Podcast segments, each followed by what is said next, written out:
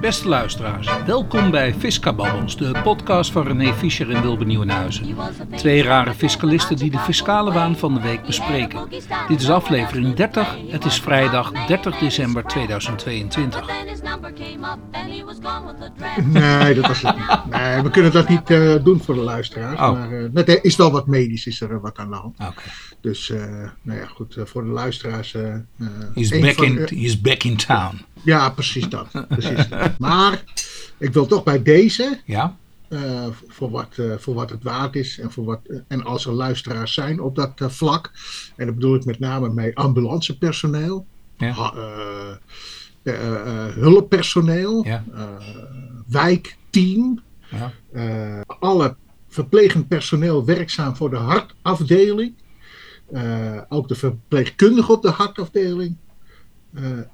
Nou, wil ik toch wel een hart onder de riem steken. En Ja. natuurlijk ook de desbetreffende cardiologen. Want uh, ze hebben er toch voor gezorgd dat ik weer, uh, nou ja, binnen twee weken weer een podcast kan.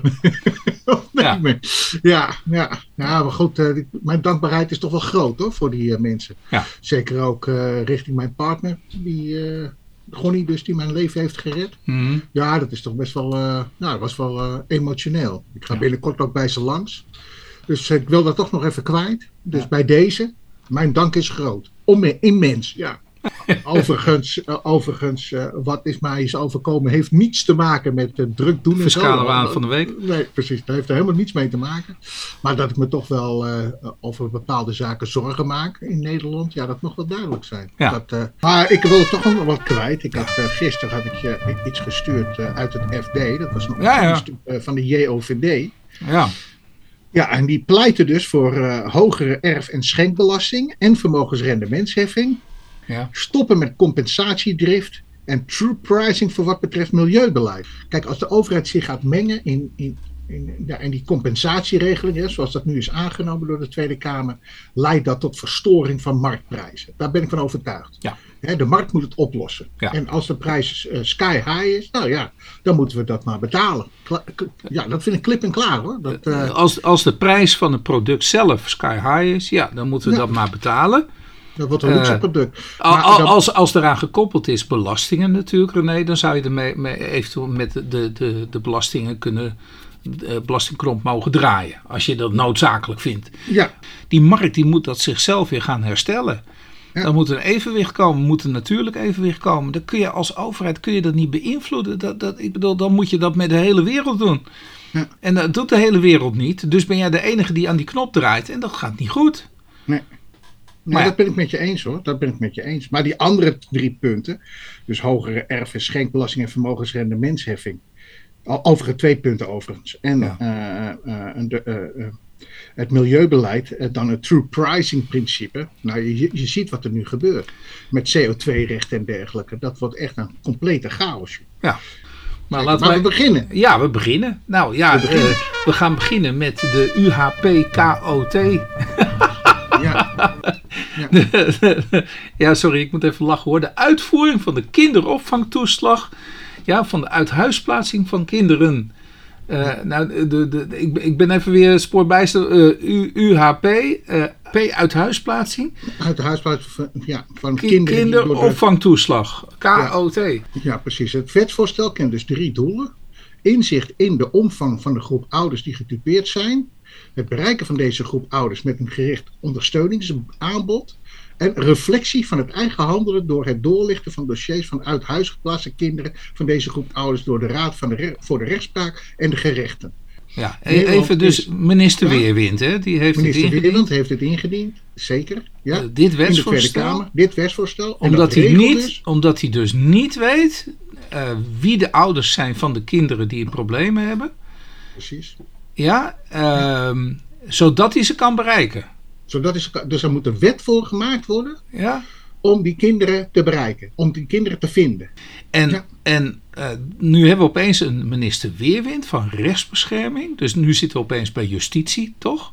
Of Ja. is er rechtsbescherming weer? Nou, het is een, maar dat valt onder justitie, neem ik aan. Justitie en veiligheid. dus, eh, dus waar is hij verantwoordelijk voor? Ja, ik bedoel voor Ja, voor rechtsbescherming. rechtsbescherming. Ja. ja, van vroeger was het allemaal zo eenvoudig. Ik bedoel, Ja, je had gewoon een eh, minister van Justitie en die... eh, Ja, en toen had je gewoon nog een minister van Justitie, punt. Maar deze minister, even, gaat die nou over de politie? Nee, hè? Nee, en die gaat voor, rechtsbescherming. deze, ja, gaat deze minister nou over de rechterlijke macht? Nee, voor Oh. rechtsbescherming. Maar wat, wat houdt dat nou in? Ja, dat, dat weet ik ook niet. Oh, oh. Ja, dat- ja, dat ik bedoel, wat doet die man? Ja, dat weet ik niet. Ja, af en toe naar Suriname begrijp ik om excuses aan te bieden. Oh nee, Oh, daar, ja, mocht, hij, oh, daar dat- mocht hij ook niet naartoe. Nee, daar- Ja, wel, daar, daar ging hij wel nee. naartoe. Oh, nee. Oh, Hij nee, is daar toch ging naartoe gegaan? Kaag, Kaag ging er toch naartoe? Nee, voor, daarvoor Jawel. ging Weerwind. Ja, oh ja, daarna ging ook, ja, daarna ging Maar Weerwind toch wel. tegen Ja, dat ja, hij zou gaan doen. Dus. ja, maar Weerwind is wel naar Suriname gegaan. Volgens mij. Oh, ja, nog? Oh, ja, natuurlijk. Ja, ja, Ja, alsnog. ja, tuurlijk. Sorry, natuurlijk. Ja, ja dat, dat vliegtuig moest toch heen en Het weer? is toch een gratis vakantie weer natuurlijk. In, eh, Nou, ik geloof niet eh, dat je dat mag zeggen, want Oh. eh, ik, dat is overigens ook niet toegestaan. Hè? Dat je mag vakantie aanknoopt bij zo'n bij zo'n dienstreis. Ah, Oké. Nou ja, ik ben zo langzamerhand kwijt waar die man voor is. En ik ben zo Ja. langzamerhand kwijt waar dit wetsvoorstel voor dient. Want, Nou ja, zeker. Ja, ja. ja.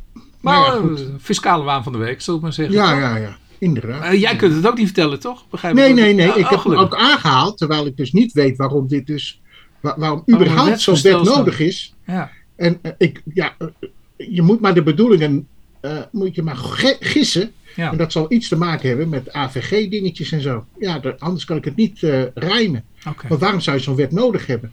Oké.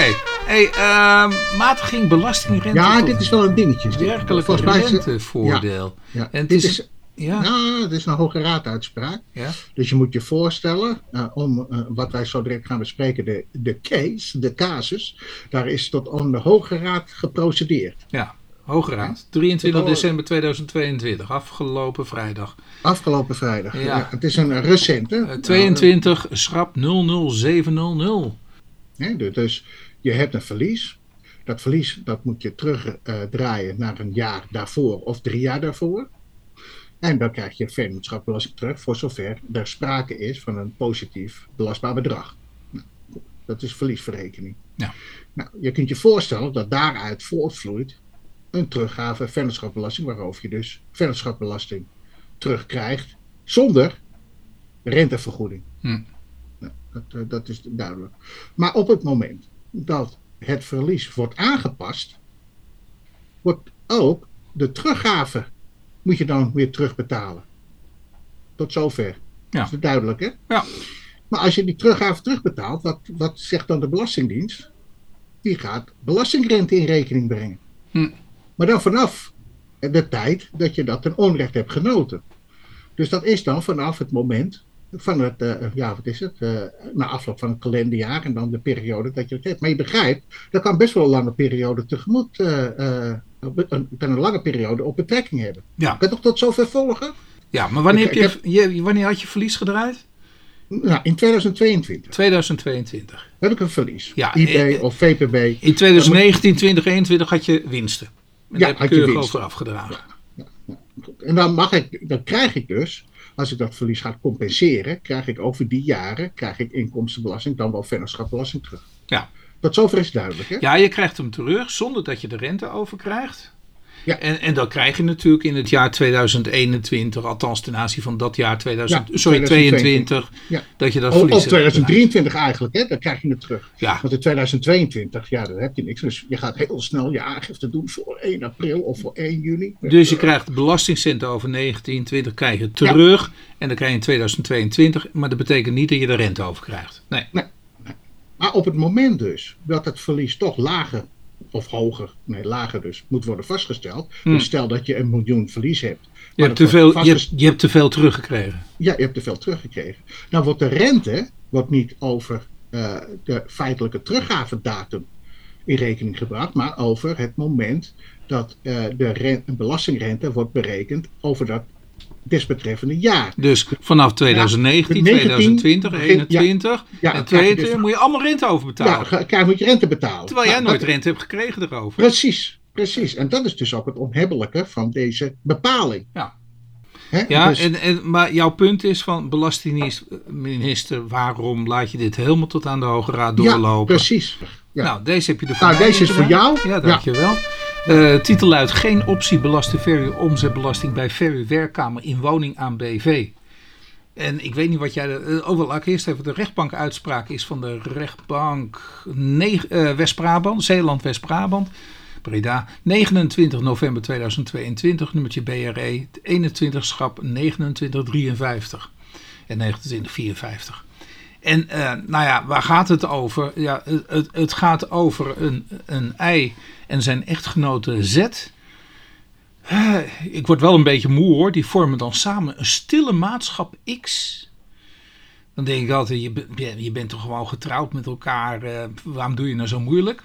Eh, I en Z zijn gezamenlijk eigenaar van een woning. Dus gewoon, ze hebben een woning. En I is daarnaast enig aandeelhouder van een BV. Waar I en Z ook beide in dienstbetrekking bij zijn. Dus ze hebben gewoon als echtpaar een BV. Eh, waarvan eh, I de, de, de enige aandeelhouder is. Ehm, maatschap X, dus gewoon eh, man en vrouw, die verhuren de werkkamer aan de BV. En in de woningen. ja, dus ze hebben een werkkamer in de woning, hebben ze verhuurd aan de BV. En daar hebben ze geopteerd voor een B2-belaste verhuur. Dus, nou, eh, en waarom zouden ze dat doen? Nou, omdat de BV die is aftrekgerechtigd. Eh, en door die belaste verhuur worden zij in privé, dus nou ja, hier als stille maatschap, worden ze ook aftrekgerechtigd. Eh, dus hebben geopteerd voor een belaste verhuur. Nou, en wat gebeurt er nu? Nou, zegt opeens de rechtbank, althans de Belastingdienst begint problemen te maken. Eh, die zegt van ja, en dit kan geen verhuur zijn. Eh, en dit, eh, er is onvoldoende zelfstandigheid. En dit zijn geen economische activiteiten. Maar ja, dit is nu eenmaal hele oude jurisprudentie. Het is ooit een keer leuk begonnen met het Herma-arrest. Nee, het probleem is nu de werkkamer zelf. Ja. De werkkamer zelf, die kun je niet verhuren, zegt namelijk de rechtbank. En waarom kan dat niet? Omdat die werkkamer namelijk ook voor privédoeleinden wordt gebruikt. Maar ben je het daarmee eens Nee, eigenlijk? Dus natuurlijk, als- natuurlijk Oh. niet. Eh, dus ik ben het hier helemaal Dus, niet eens. ah, Oké, nou ja, ik dacht al, ik- van, ik, ben, ik- ben ik nou gek of zo? Of, Nou, ja, ik, ik ik, snapte hem ook niet. Ik maar- werd helemaal knettergek naar de overwegingen eigenlijk die ik toen las. ik, dacht, ik dacht, nou, die is voor jou. Die kan je dan wel eh, Ja. aan de luisteraars mededelen. Ja, zeker. Ja, Ja. ik ben een beetje. eh, hier, de, de rechtbank die overweegt als volgt: De bewijslast rust, rust op belanghebbende dat ze ten aanzien van de verhuur van de werkkamer kan opteren voor belaste verhuur. Oké. Daarin is belanghebbende niet geslaagd. Nou. ik, ik moet trouwens, hè, want ik, ik, ik, eh, de feiten en zo, die, nou, die, eh, ik, ik heb even gelezen, maar eh, nou, over die feiten, samenstelling, nou ja, misschien volgt dat uit Ja, het dossier, maar vond ik ook Maar niet, niet, maar niet uit de helder. feiten wat, wat gepresenteerd wordt. Nee, Nee, dus- wordt ineens wordt het als een, als een voldongen dingetje wordt Dus erbij gehaald. ja. Maar ik kon, ik kon deze opmerking kon ik ook slecht plaatsen. Oh, gelukkig. Maar ik, Ja. dus ik, ik zat een beetje. Kijk, ik, ik ben altijd een beetje gewend dat de rechtbank eerst begint even met even de feiten vast te stellen. Dat is wel van belang, ja. Ja, en dan pas een beetje de beoordeling ervan. Een rechtsoordeel erover gaat vellen. Maar hier zit dat helemaal verweven in elkaar. De rechtbank die. eh, nou, die, die maakt er even. Sorry, excuseer helemaal een zoutje van. Eh, de bewijslast rust op belanghebbende dat ze ten aanzien van de de kan opteren. Eh, Nou, dat nou, wel- vind ik. Dat, nou ja, dat, lijkt me, dat lijkt me nog wel, ja. nou, ik vind ook al de zin niet mooi. Nee, Eh, oh, bedoel je het zo? het Nederlands. Nou, eh, eh, wel, sorry, bewijslast rust op belanghebbende dat, dat zij kan opteren. Ik bedoel, die wet die zegt gewoon je kunt opteren, punt. Ja. Dus, dus nee, wat, wat, hij bedoelt wat anders kan blijken. Maar, maar daarin is belanghebbende niet geslaagd. De rechtbank acht niet aannemelijk gemaakt dat de Kamer alleen als werkkamer wordt gebruikt. Nou, ik, ik weet niet René, maar eh, jij, ik, ik heb ook eens een keer op kantoor gezeten nog. Dat was nog bij jou eh, een keertje, Ja. eh, bij een gezamenlijke relatie van ons. Daar hadden wij een, kamer, daar heb ik ook eens een keer op kantoor gezeten. En ehm, nou ja, laat, laten we even verder gaan. Dan moet je, moet je het maar, maar ik, ik neem aan dat je toch een werkkamer, ja, de- af en toe dan komt jouw vrouw ook langs. Bij, bij mij kwam Met, met een kopje koffie. ja, eh, en de kinderen die kwamen ook langs. Ja. Om eens even te kijken waar papa nou eigenlijk resideerde. Ja, toch? Ja. En, en eh, eh, misschien had ik af en toe wel eens een keertje... Nou, dat gebeurde niet hoor. Maar had ik de oppas op de kinderen. Ja, dan gooide ik wat Lego op de grond. En eh nou, dan konden Maar dat zou niet anders zijn als je op, niet in de werkkamer, maar op een kantoor ver Nee. van je huis Ja, zit. Dat, dat, is niet dat anders. bedoel ik. Dat bedoel ik. Ja. Dus ik, ik heb gewoon een kantoorruimte. Daar staat mijn, mijn, mijn ding. Ik, ik, ik zou het ook wel prettig, heel eerlijk gezegd. Ik, ik word wat ouder, dus af en toe dan doe ik nog wel eens een keer een middagdutje. Ik weet niet of jij dat ook wel eens doet. Maar ja, dan zou ik het wel prettig vinden als er een lekkere sofa, eh, een lekkere bank eh, staat. Ja, Ja, toch? Maar, Nou, dan had je, maar dan had je op kantoor, nogmaals, Ja. ook zo'n aspect kan je op kantoor ook hebben. Ja, nee, dat, dat bedoel ik. ik dat, dan wil ik daar even dat er een bankje staat. Over, over, als, als er klanten komen is het ook wel prettig natuurlijk als ik daarop kan zitten of wat dan ook. Maar oké, we gaan even naar wat de rechtbank nu constateert. Uit de overgelegde foto's blijkt dat de kamer is ingericht met één werkplek. En misschien dat de nadruk op één werkplek wordt gezet. En tevens een tweezitsbank met poef. Nou, ik ben nu echt helemaal overtuigd hoor, door, door de rechtbank. De Kamer heeft verder, door de realisatie van een zijwand die voornamelijk uit glas bestaat, vrij uitzicht naar buiten. Oh, dat mag ook al niet meer. Ik, mijn mond valt open. Wat ga je hiermee beweren, joh? Jeetje. Wat wordt hier, wat wordt hier nu gesuggereerd? Dat Verder is, eigenlijk ter er- zitting toegelicht dat de kinderen de werkruimte ook kunnen betreden. En dat dit in de praktijk ook gebeurt. Ja, ik kan het ook niet Maar, ontkennen. dat, maar ja, dat is op een kantoor ook zo. Hè? Dus, De rechtbank weegt tevens mee dat in de opvatting van belanghebbenden ook sprake is van een element van privégebruik van de Kamer. Gelet op de in dat verband ingenomen standpunten. Eh, Ik, ik weet niet wat, wat hier staat hoor, want dit zijn wat, wat hier bedoelt, jongen. dit zijn loze zinnen. Dit is gebaseerd op lucht, meneer de rechtbank. Gelet op de beschreven inrichting. Ja, allemaal maar door etteren, door etteren op hetzelfde wat je daarvoor niet... Nou, eigenlijk is het dus dichtschrijven van wat een wenselijke uitkomst is. En zelfs dan nog, zelfs Ja. dan nog René, vraag ik me af of je dit zomaar kunt, kunt zeggen. Eh, Ik bedoel, een stukje privégebruik wellicht. Wat, wat in. Ik bedoel, op het moment dat ik een spelletje ga spelen, eh, op het moment dat ik ga, ga rusten, een, een tukkie doe, heb ik ook privégebruik van mijn werkkamer. Ik heb nog nooit Nou, meegemaakt. Dat, dat hoeft toch, die kwalificatie hoeft toch niet? Je, Daarom. want jij, jij bent ook een man van een zekere leeftijd. Dus je hebt je powernap heb je nodig. Ja, de Ik, hoop daarom van oordeel. godsnaam Ja. maar dat, dat hier eh, een hoger beroep, Ja. tegen wordt inge- ingesteld. Ja. Want, nou, en hoe moet je dan procederen? Hoe moet je dan in hoger beroep? Nee, Ja, nou, dat is het volgende onderwerp. Precies. Oh, je hebt er een, eh, je hebt er een loopje in gemaakt. Ja, ja, ja. Ja, ik, Ja, geweldig. Ja. Intussen, en dat is best wel handig hoor. Ik ook. Maar Ja. eh, eh, bij rechtbanken kan het al. Zeker voor de Belastingkamer. Ik vind het fantastisch. Maar hier, digitaal procederen, Rijksbelastingen, wordt mogelijk bij gerechtshoven. Ja. Nou, fantastisch. Ja. Weet je, to- toen vroeg ik me af, waarom kan dat niet bij de Belastingdienst? Wat is daar nu zo moeilijk aan? Kijk, bij de, eh, eh, bij de rechtbanken maken ze gebruik van schiffer of zo. Schiffer, nog wat. Maar goed, in ieder geval, dat is zo'n ja, dat is zo'n pa- eh, eh, pakket waarbij dus eh, eh, eh, eh, ja, eh, digitaal afgezonderd, niet vanwege het overnet, maar Oh. hoe heet zoiets nou?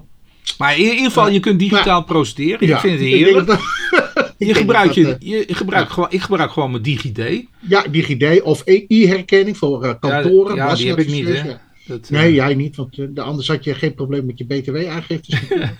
nou, eh, heb ik voor de weer van, luisteraar, voor de Ja, goede luisteraar. toch weer van de ja. week opgelost. Gewoon door een boekhoudpakketje. Dat, eh, dat, eh, Ja. dat, dat kan wel. Dus, maar eh, ook al ben ik nog steeds niet e-herkend. Ja, Opmerken, waarom doet de Belastingdienst dit nou niet? Ik weet Want namelijk de, de ellende dat je sommige dingen alleen maar op schrift, eh, eh, dus via de post, een verzoek kan indienen of iets dergelijks. Dat is natuurlijk ronduit belachelijk. Dan Ja. ben ik echt serieus. Ja. Ja, nou heb ik wel steeds vaker dat ik inderdaad brieven van de Belastingdienst al via, via de e-mail krijg. Een Uber-register. Ach, wat leuk zeg. Dat heb je ook Ja. voor mij er waarschijnlijk in gedaan, maar jij mag hem Zeker. behandelen. Oh, mag ik het behandelen? Nou ja, goed.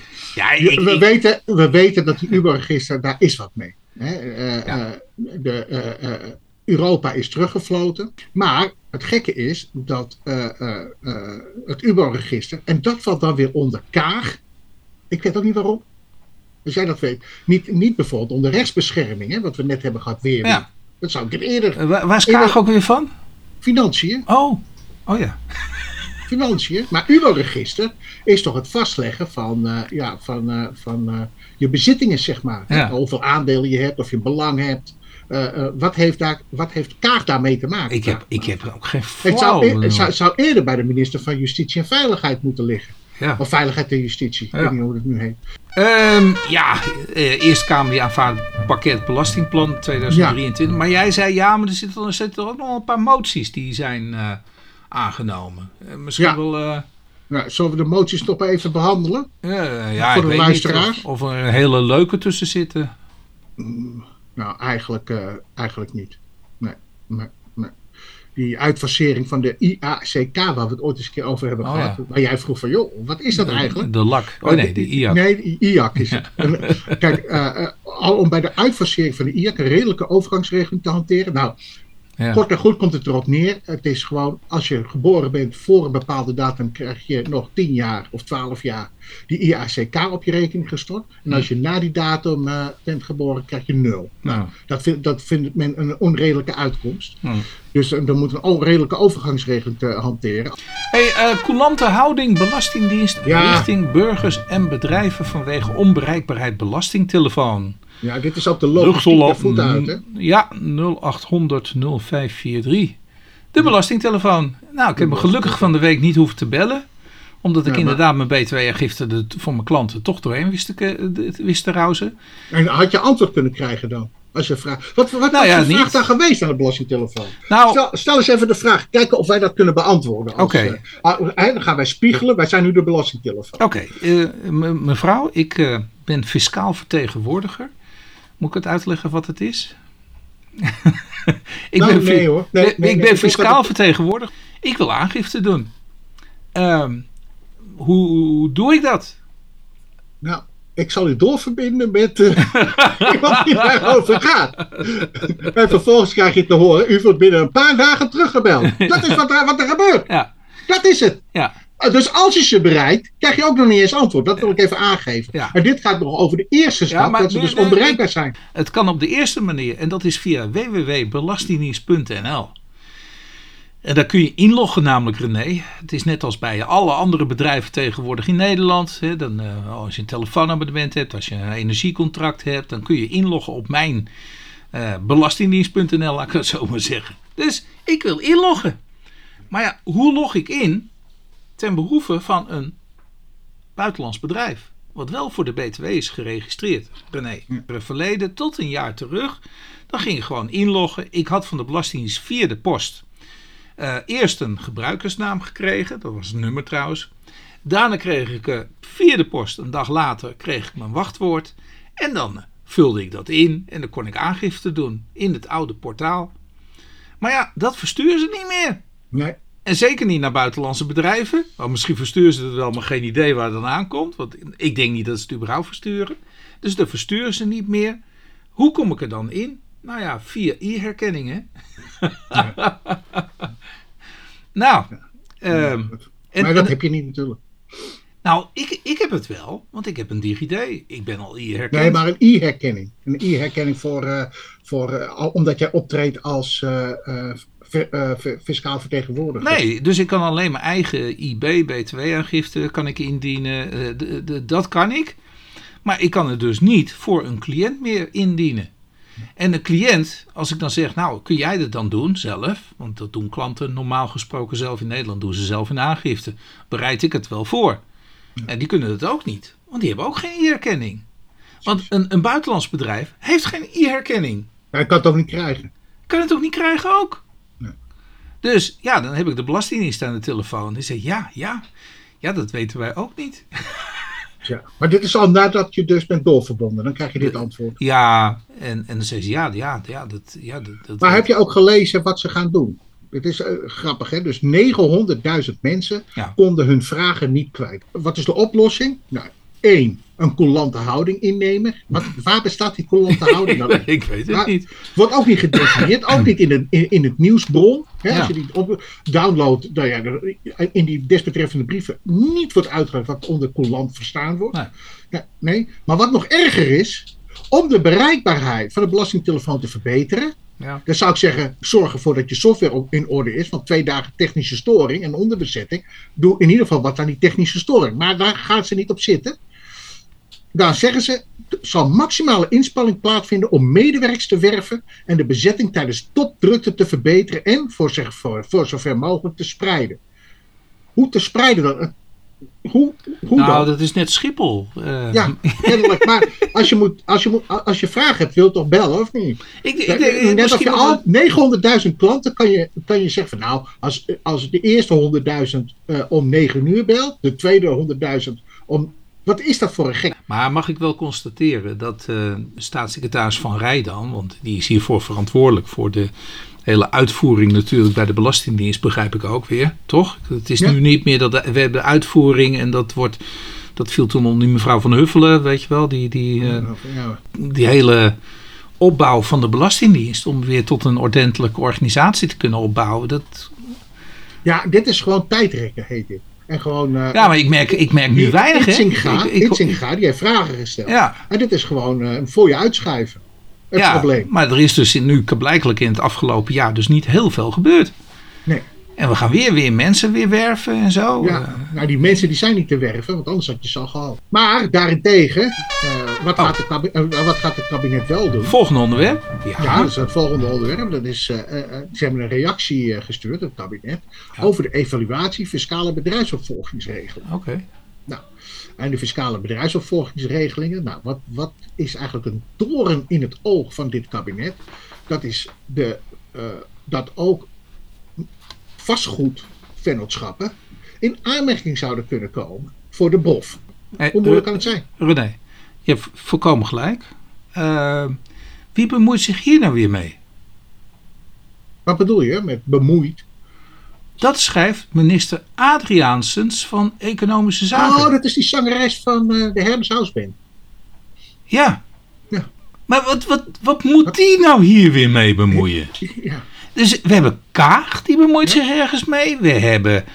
eh, Weerwind. Weerwind, die bemoeit zich ergens mee. We hebben nu Adriaanse. Adriaanse, ja. Ik, zijn ze zo langzamerhand een beetje spoorbijster van eh, hoe de verdeling is binnen het kabinet van eh, alle Wie portefeuilles? Ja. Ik, Ja. ik, dit is toch? De, dit schrijft dus, eh, deze eh, eh, consultatie of dit, deze reactie volgt uit minister Adriaans van Economische Zaken en Klimaat aan de Tweede Kamer. Waarom? Waarom schrijft zij een brief over de BOR en de eh, en, eh, eh, eh, DSR? Ik weet niet eens wat het DSR, wat zou dat voor? Oh, de doorschuifregeling. Ja, in de inkomstenbelasting. Ja, Ja. ja. Ja, Nou, dus ja, wa- waarom schrijft zij dat, joh? Of, Of- is die Van Rij, is die overspannen of zo? Nou, Die, eh, waarschijnlijk. Ik denk het. Die, nou ja, die doet toch al niks. Dus hebben we al geconstateerd, toch? Het is alleen ik- maar ik- voor zich aan. eh, ja. ja, Jij hebt nog een beetje nog- een zwak, hè? Voor ja, ik heb een zwak. Nou, oh, oh, Waarom? en waarom ook? Ja. Omdat hij toch uit deze professie vandaan komt. Dat, dat, dat is mijn... Oh ja, maar nou, ja, dat vind ik nou juist een brevet Ah, van ah, onvermogen. Dat, dat ik denk van, nou, nou kom je notabene uit, uit die sferen en, en dan, dan ga je gedragen als een politicus. Ja.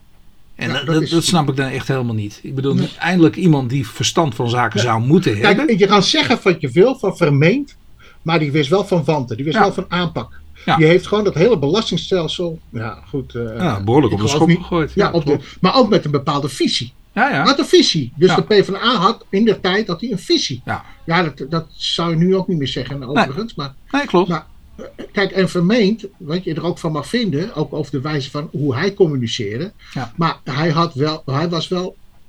Nou, dat Nou, hij, hij, hij, hij nam stappen. hij nam stappen, maar hij dat communiceerde ook helder. Ja. Dat, eh, eh, het was niet van hem van vooruitschuiven. Ja. Dat koppeltje zalm en, en vermeend, dat was wel een gouden Ja, koppel hoor. zeker. Qua, eh, Ah, maar daar we, uiteindelijk- ook nog- ja, we hebben best wel goede staatssecretarissen gehad ook hoor. in het verleden. Ja, nou, hoor. ik geloof echt dat het mis is gegaan bij. eh, Nee, Jan Kees de Jager was ook een goeie. We hebben. Joop Wijn gehad. Dat vond ik ook een hele goeie. Ja. Ja, nee, eh, het is misgegaan met, met die Quibus. En het is mis... ja. Ja, Wiebes dus, ja.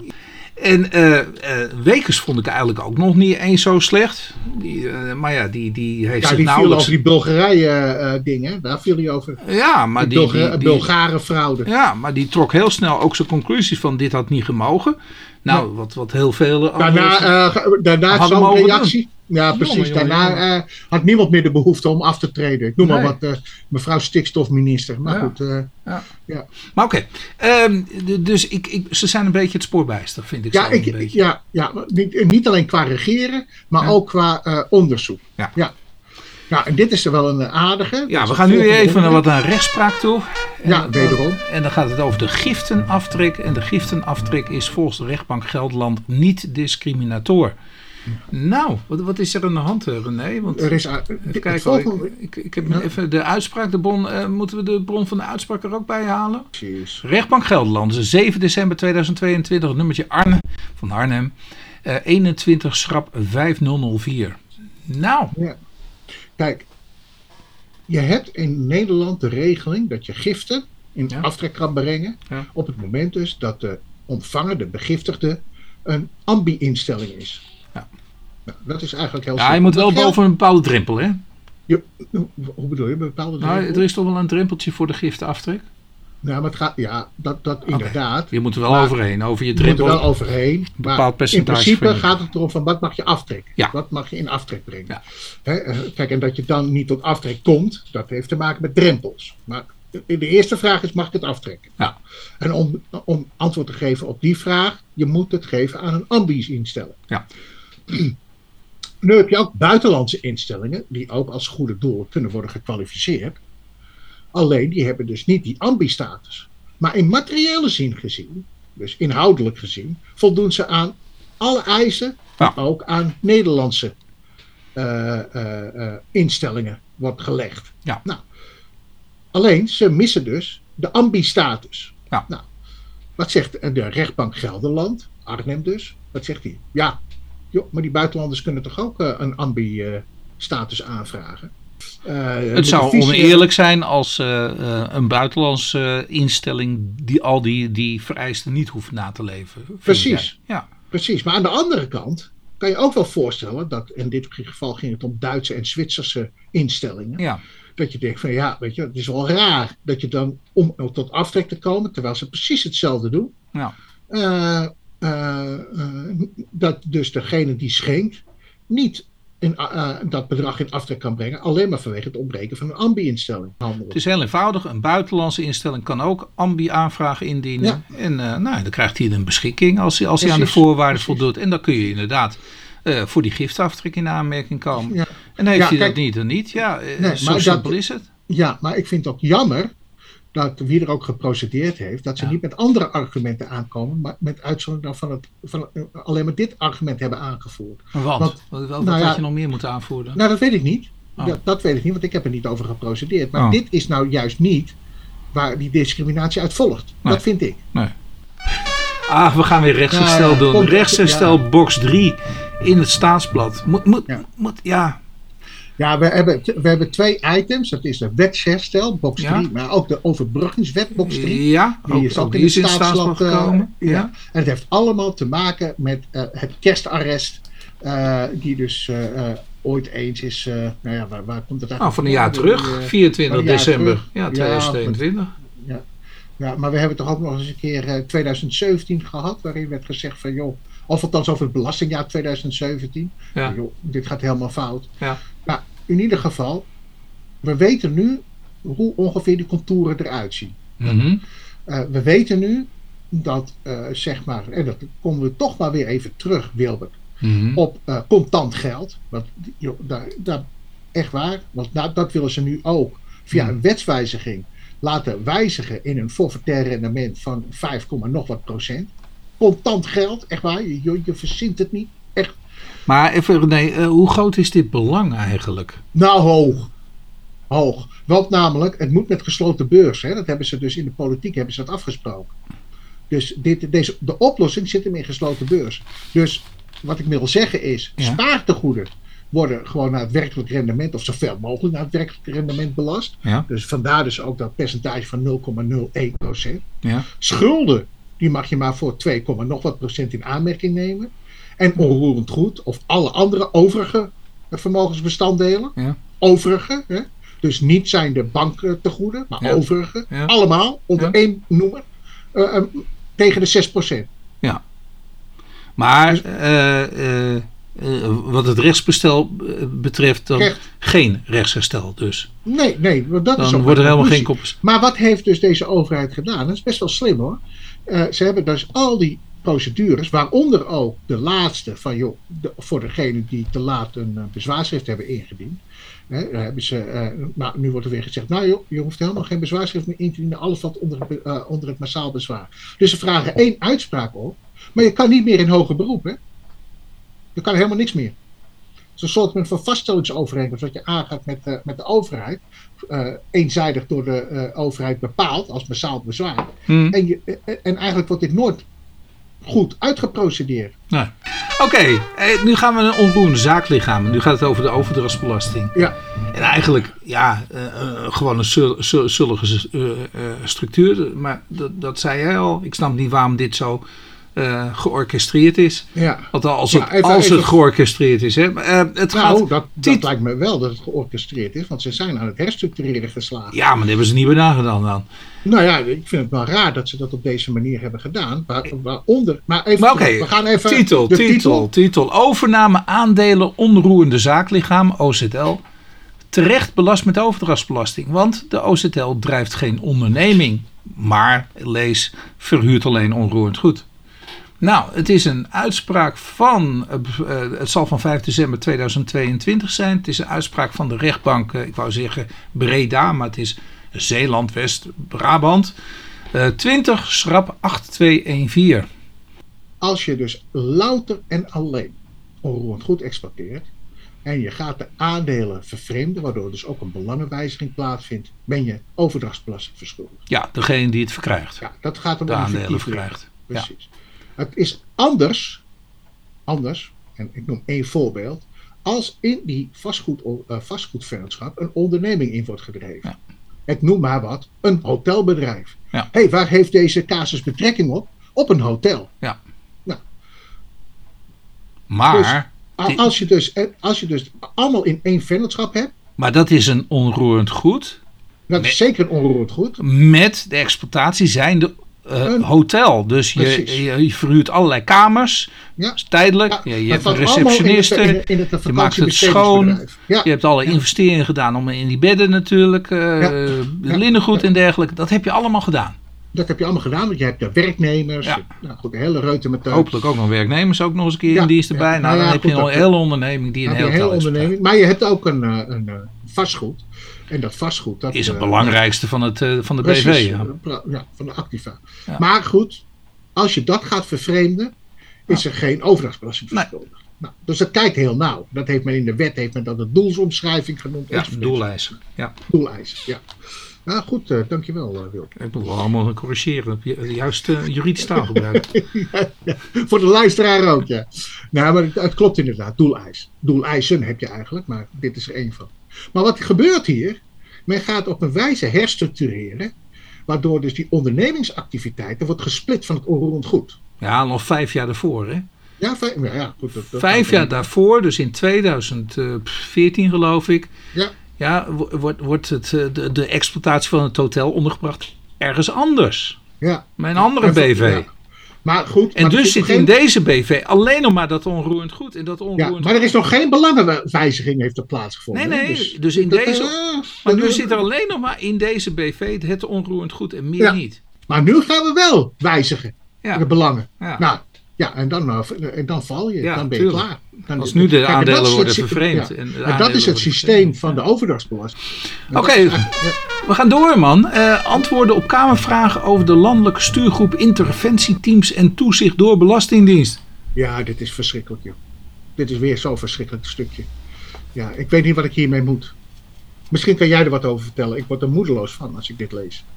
Maar goed, in ieder geval, eh, staatssecretaris Van Rij van Financiën heeft antwoord gegeven op vragen van het Tweede Kamerlid Omtzigt over de landelijke stuurgroep interventieteams en het toezicht van de Belastingdienst op belastingplichtigen.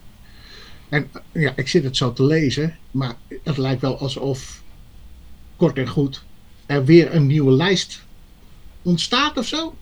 Ik, ik weet het niet, maar het begint zo langzamerhand dat Ehm, kijk, er wordt al van tevoren wordt gezegd. In het toezicht voor de doelgroep particulieren, door de directie particulieren, worden geen risicokwalificaties, risicoscores of vergelijkbare beoordelingen toegekend aan burgers of belastingplichtigen. Maar wat dan wel? Eh, eh, eh, nou, dat, dat, dus ja, nou ja, dat, ja, voor zover risico-indicaties worden toegekend, zijn deze gekoppeld aan de ontvangen aangifte.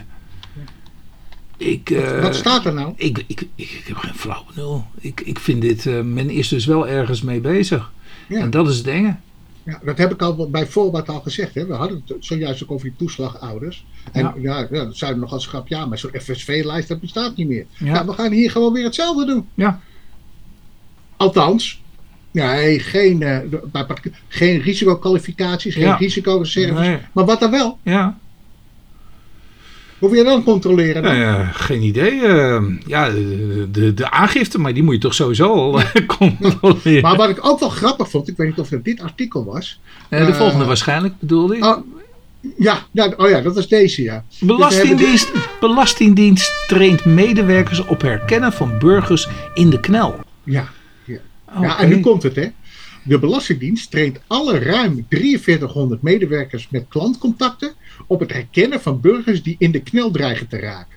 Hoe met hen in contact te treden en de benodigde acties te ondernemen. Dat blijkt uit de brief van de staatssecretaris van Rij van Financiën bij het Japan Belastingdienst 2023.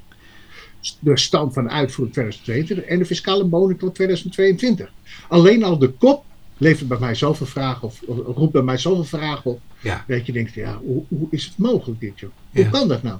Je gaat 4300 mensen. Nou ja, even wat ik ook al zei, hè? 4300. 4300, uh, René. De, de, uh, hoeveel medewerkers heeft de Belastingdienst? 7000. Nee, veel meer, man. Oh, 23.000. Oh, 23.000. Maar oké. Okay. Van die 23.000 is er maar 20% wat contact heeft met belastingplichtigen. Ja. ja, en wat doen die anderen dan? Dat vraag ik me ook af. Maar jij hebt, er nog, jij hebt het over 23.000, joh. Ja. Maar, wat, maar wat doen die anderen dan? Die, uh, die, uh, drie, je hebt 4300 medewerkers die kennelijk alleen maar klantencontact hebben. Maar wat doen die anderen dan? Ja, dat vraag ik me wel af, ja. Dat, dat is, dat, maar oké. Okay, uh... Maar ik dacht dat het dus 7000 waren of zo. Maar ja, ja goed, 23. Maar we gaan weer het horizontaal toezicht gaan we weer uitbreiden. Ja, ja, ja. Maar wat vond je eigenlijk van die percentages? Toch wel aardig om te weten, ook luisteraars. Uit de, bijlage, bij, uit de bijlage moties en toezeggingen blijkt dat het percentage aangifte, aangiften dat juist is ingediend op basis van een steekproef bij particulieren 95% Nou, dat vind ik echt een goed. Nou, dat vind ik echt fantastisch. Ja, bijna 100% Ja. Nou, moet ik wel toegeven. Ah, Kijk, mag, mag, even, even, ja. even, even, terug, René. Uh, wat valt er bij een particulier die gewoon in loondienst is uh, te belasten? Nou, in de aftrek kan je nog wel het een en ander doen, hè? Ja. Maar goed. Nou, 95 procent, ik bedoel... Ja, van, netjes, is gewoon netjes. Voor, voor, voor ingevulde, ja, ja, dat, dat valt ook weinig Maar, en nu komt het. Ondernemingen bij het MKB is een steekproef in 2019 gedaan. En daarvan was het percentage correct ingediende aangiften 69 procent. Nou, nou, dat is toch 41 procent uh, of 31 procent minder. Ik, ik meen de laatste iets gelezen te hebben, althans gehoord te hebben in de krant, dat men nu men toch weet dat er slecht gecontroleerd wordt bij de Belastingdienst. Ja, precies. Dat, dat men ja, dat vreest dat, dat, het nog erger is dan uh, ja. erger gaat worden. Ja. Dit gaat over het trainen van medewerkers op het herkennen van burgers in de knel. Ja. Uh, dus de, de, ik bedoel, we hebben het nu de hele tijd over het correct indienen van aangiftes. Maar nu moeten, moeten ze ook nog eens een keer in de knel dreigen ja, maar ik denk dat dat ook een beetje te maken heeft met empathisch vermogen. Ik, joh, dat weet je zelf ook wel van vroeger. Ja. Dat altijd van die inspecteurs die open stonden voor het gesprek. En, uh, uh, en zeiden van, nou weet je, als we het zo doen, dan lossen we het zo op. Heeft u daar vrede mee? Ja. Weet je, wat, wat, wat wilt u? Wat maar moet u doen? Dat mag, dat mag al sinds een Woonwagenkamp, uh, goh, was hij ook Ja, Vinkenveen, hè? Of. Nee, Vinkenslag. Vinkenslag, ja precies, dat is. Ja. dat mogen ja, ze al, al jaren niet meer. Dat nee. is al, uh... Nou, maar je hebt, er, je hebt nog altijd uh, inspecteuren die uh, nou ja, niet precies dat uh, vinkenslagarrest naleven, maar ja. daar tegenaan schurken. Dat heb je gewoon. Nou. oh, dan tot slot nog even een veilinghuisje is BTW verschuldigd over opgelden en commissie. Ik snap helemaal niet waarom hier dit helemaal tot aan de Hoge Raad kwam. En een serieuze... Nou, dat wil ik eigenlijk aan jou vragen. Ja. ja. Waarom is dat? Nee, ik, ik, snap, ik snap hem eigenlijk ook niet. Uh, wat, wat, wat, wilde eigenlijk... De, ja, of, of is dat weer tijd of zo? Ja, jij had het eh, mogelijk over tijd. Nou ja, Maar- we hebben, eh, even kijken, Veilinghuis is BTW verschuldigd over opgeld en commissie. Zo heet dat. Eh, De, de, de titel althans, die eh, toegekend is door eh, eh, deskundigen.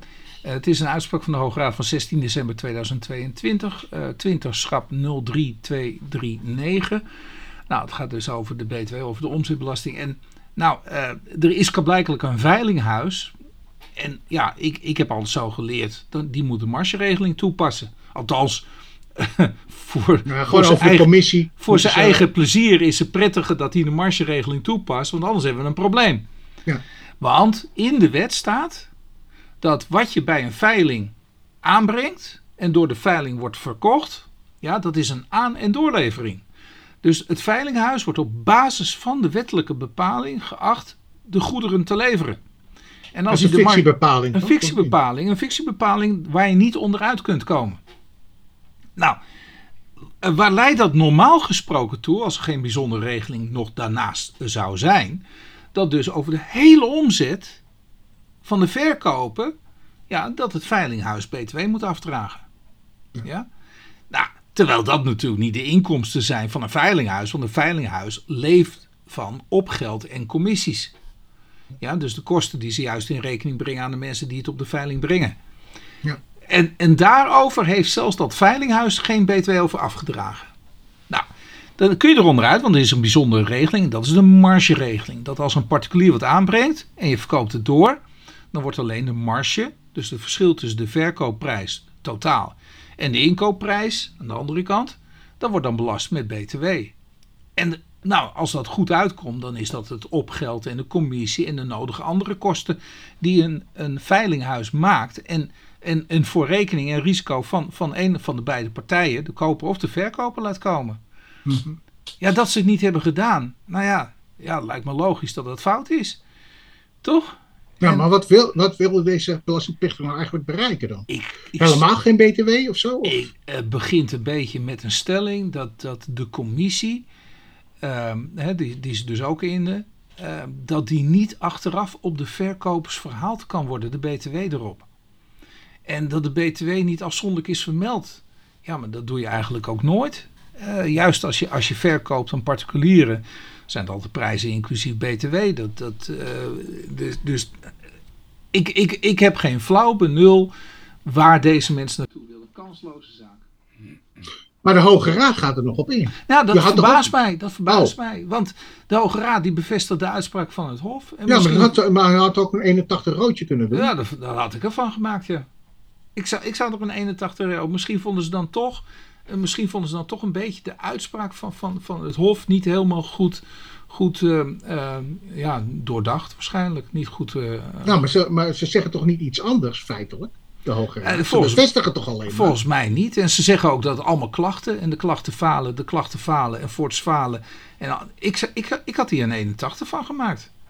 Ja. Nou, dan, zijn we, dan, dan hebben we weer de waan van nou ja, de afgelopen drie weken hebben we ook weer behandeld. Nou, we hebben dus drie dingen gezien nu, Wilbert. Dat zijn ja, dat die ministers ook niet meer weten waar ze mee bezig zijn. Die Ja, iedereen die bemoeit zich er maar over al Ja. mee, lijkt Ja, het ja. wel. Iedereen die kan zich nou niet inhouden. Overal moet men...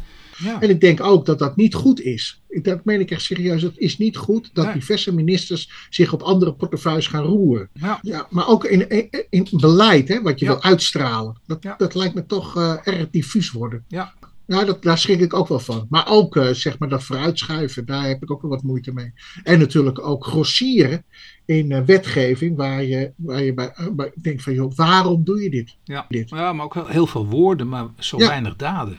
Precies. En, Precies. ja, nou, daar maak ik me wel zorgen over. Ja, ja, ja. Dat, ja. ja. Aan de ene kant niks is veranderd. Dus wij gaan ja. met zorgen gaan wij het nieuwe jaar in. Maar desalniettemin, Wilbert, Ja. ik wens jou. En al jouw naasten Ja, en ik ook natuurlijk. een voorspoedig, nee, wat zeg ik nou, goed uiteinde Ja. en een voorspoedig 2023. Ja, nou, dat, dat eh, wens ik ook eh, iedereen toe. En vooral in gezondheid leven. Nou, dat is wel het belangrijkste. Dat, is, eh, ja, daar ja. kan ik intussen wel over meepraten. Oké, sluiten we af. sluiten we af. Ik zie je Dus ja, tot in het nieuwe jaar, hè. Oké. Groetjes. Hey. Hoi. Man from out Chicago.